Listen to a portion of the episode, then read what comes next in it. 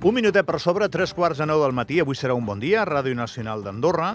Us parlem de l'associacionisme, posant un exemple molt bo ara, en aquesta hora del matí.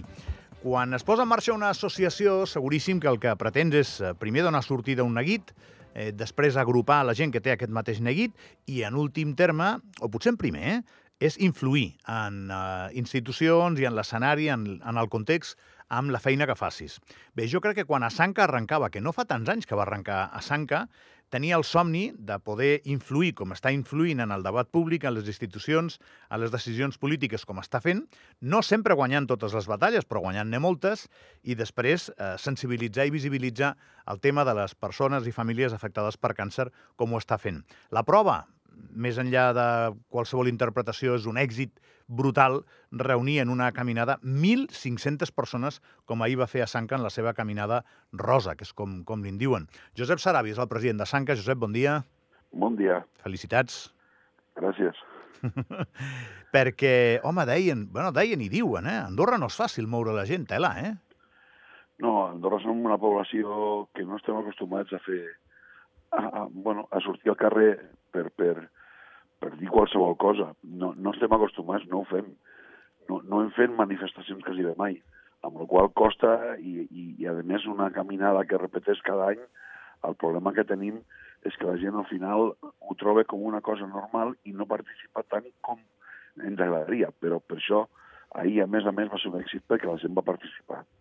Bé, per això et felicito, però crec que també era important que féssim la, la introducció, perquè al final eh, una caminada eh, o sigui, una, una flor no festiu, que diuen, no? no? No és una cosa aïllada, que fa moltes coses durant l'any, cada dia, i aquesta caminada és com el reflex que, que la feina que feu també té una traducció en l'àmbit de, de, de la gent de sortint al carrer, eh, reivindicant una miqueta un, un, un tractament encara millor per les famílies, pels afectats. Està molt bé, això, no?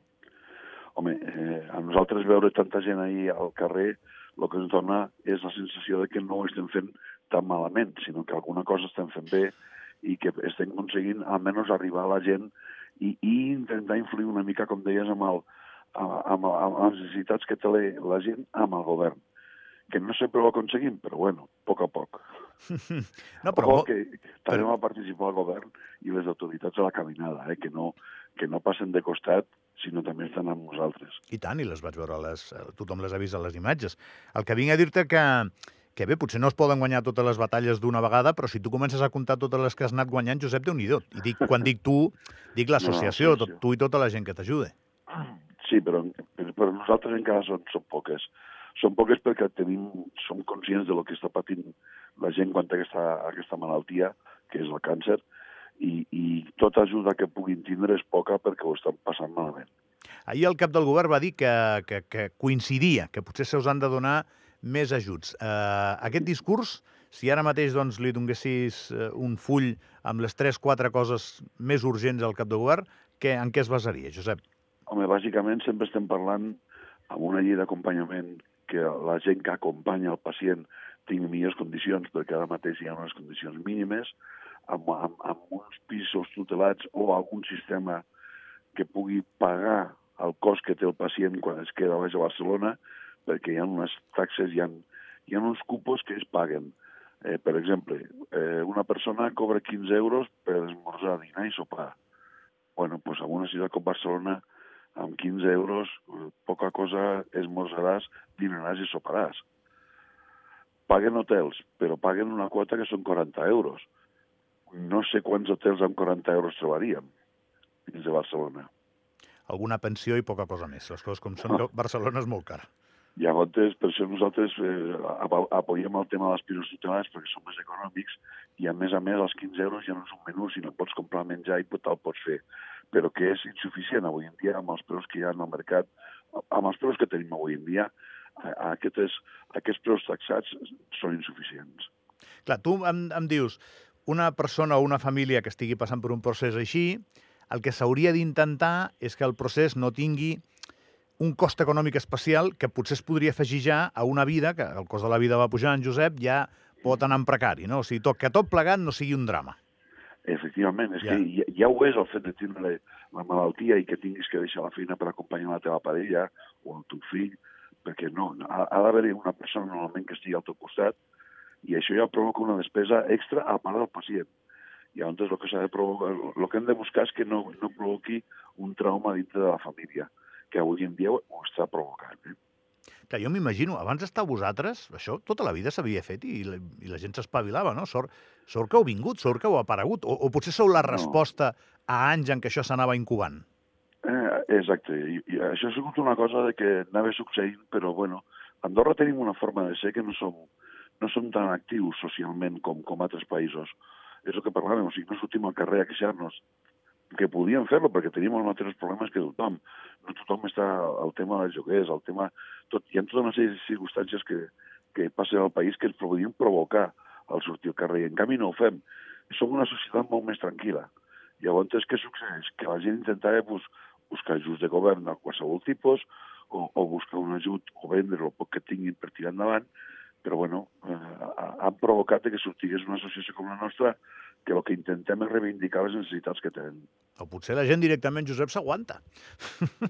I ara entès doncs, que també eh, bé l'Estat i l'administració està per demanar-li determinades coses també en situacions així, no? Potser la gent entenia que allò formava part de la responsabilitat individual de cadascú de buscar-se la vida i ara doncs, també s'interpreta això, que, que pots tenir un, no sé, un coixí, una xarxa de protecció per part de l'Estat. Home, eh, hem de reconèixer que no tenim impostos fins fa molt poc, ja. amb la qual, si no teníem impostos, tampoc podíem exigir al govern que faci moltes coses. No teníem directes. No tenim directes, sí, sí. Ara, en el moment que ja tenim impostos directes, vol dir que ja poden començar a exigir que serveixin d'algo directament a la població. Els indirectes sempre s'han tingut, o sigui, tota la mercaderia que entrava al país pagava una, un impost, però els directes no s'han tingut. Pues ara que tenim impostos directes, la gent té el dret de poder exigir que es faci alguna amb aquests diners. És una interpretació interessant aquesta que fa Josep. Eh? El, la, la... Sí, el, el despertar de la consciència de la protesta cívica també té a veure amb el fet de que paguem doncs, l'IRPF i potser l'impost de societats i que això doncs, va generant també una major exigència a l'Estat. Sí, sí, no, sobretot a l'IGI. O sigui, des que es paga l'IGI, que és l'impost directe, és, és el moment que dius, ostres, jo això no ho pagava, volia dir que aquest govern no, no recaudava aquests diners, ara que el recauda, a part de que ha, ha de fer coses a tot el país, també puc exigir que pensi també en mi. Bé, i l'últim tema, i l'últim tema, que, o el primer, Josep, perquè és, és el tema que, que és recurrent i que es va repetint, i que, a més a més, doncs, t'ha generat fricció amb els polítics, és el tema de la unitat de radioteràpia. El govern, eh, en un moment donat, va semblar que era favorable en posar-ne un al país, després sembla que s'ho han estat mirant i el tema té bastantes complicacions o fins i tot contraindicacions, i està parat això, perquè això s'ha de fer fora d'Andorra perquè no tenim manera de fer-ho a casa. Bé, aquí tenim el conflicte que tenim diferents punts de vista. Nosaltres creiem que es pot fer.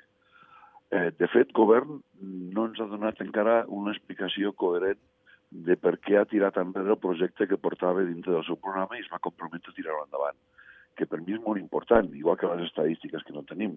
Són dues coses que són superimportants per poder parlar amb el govern d'aquesta malaltia. Mm, el, el dia que ens donin una explicació, podrem acceptar-la o no, però almenys tindrem una raó. Avui en dia tenim una negació i res més. Explicació, explicació, no, no, no en tens cap, Josep? És dir, uh, no. a veure, jo, jo el que he llegit, i ho he llegit darrerament, diria, és que si tu poses una unitat de radioteràpia a Andorra, eh, com que és molt cara, no tindries probablement una de backup, en cas d'una avaria podries afectar la, el ritme i la freqüència dels tractaments, i per tant, si vas a un lloc on estan més preparats, segur que està garantit que et podran tractar. I, i crec que la, no sé, com la feblesa del projecte, crec que l'associen no. amb això. No, això, això és una falta d'informació per a la persona que ho va dir. Però a, a que no dic cap tonteria, que això ho he llegit fa poc. No, no, sí, sí, sí, vale. hi ha sigut una metgessa que ho ha dit i suposo que ho ha dit amb tota la bona intenció del món. Yeah. Però la realitat avui en dia és els pacients estan baixant a Barcelona, s'espatlla la, la màquina de Barcelona, se'ls diu que ho sentien en l'ànima, que tornin a Andorra i que tornin a baixar d'aquí dos dies. I si baixen pel seu compte o baixen amb autobús, aquells diners que els ha costat el trajecte, la cas no els hi retorna perquè no hi ha hagut una sessió de radioteràpia. O sigui que estem exactament igual que el que podia passar aquí a Andorra, però amb més despeses. Per això dic que la persona que ho ha dit ho ha dit amb tota la bona intenció del món, però no, no ha pensat realment. Fixeu-vos, la Tecnon, que és una de les principals eh, hospitals que donen radioteràpia, té dos lineals, dos màquines, una de backup i una normal. I la de backup, quan la tenen que ficar en marxa, triguen dos dies. O sigui que és que eh, a vegades ens deu faltar una mica d'informació i diem coses no, no, no amb mala intenció, sinó simplement que no coneixem. Bueno, la informació o és correcta o és incorrecta. A vegades la intencionalitat no, no li hauríem d'atribuir, no? És, és així. No, jo, jo crec que ho han dit amb, amb tota la bona intenció. Ja. És una metgessa que, a més, eh, tinc entès que és molt bona amb el seu, amb el seu ram, però que no és una tècnica o no eh, està dintre del, del ram de la investigació.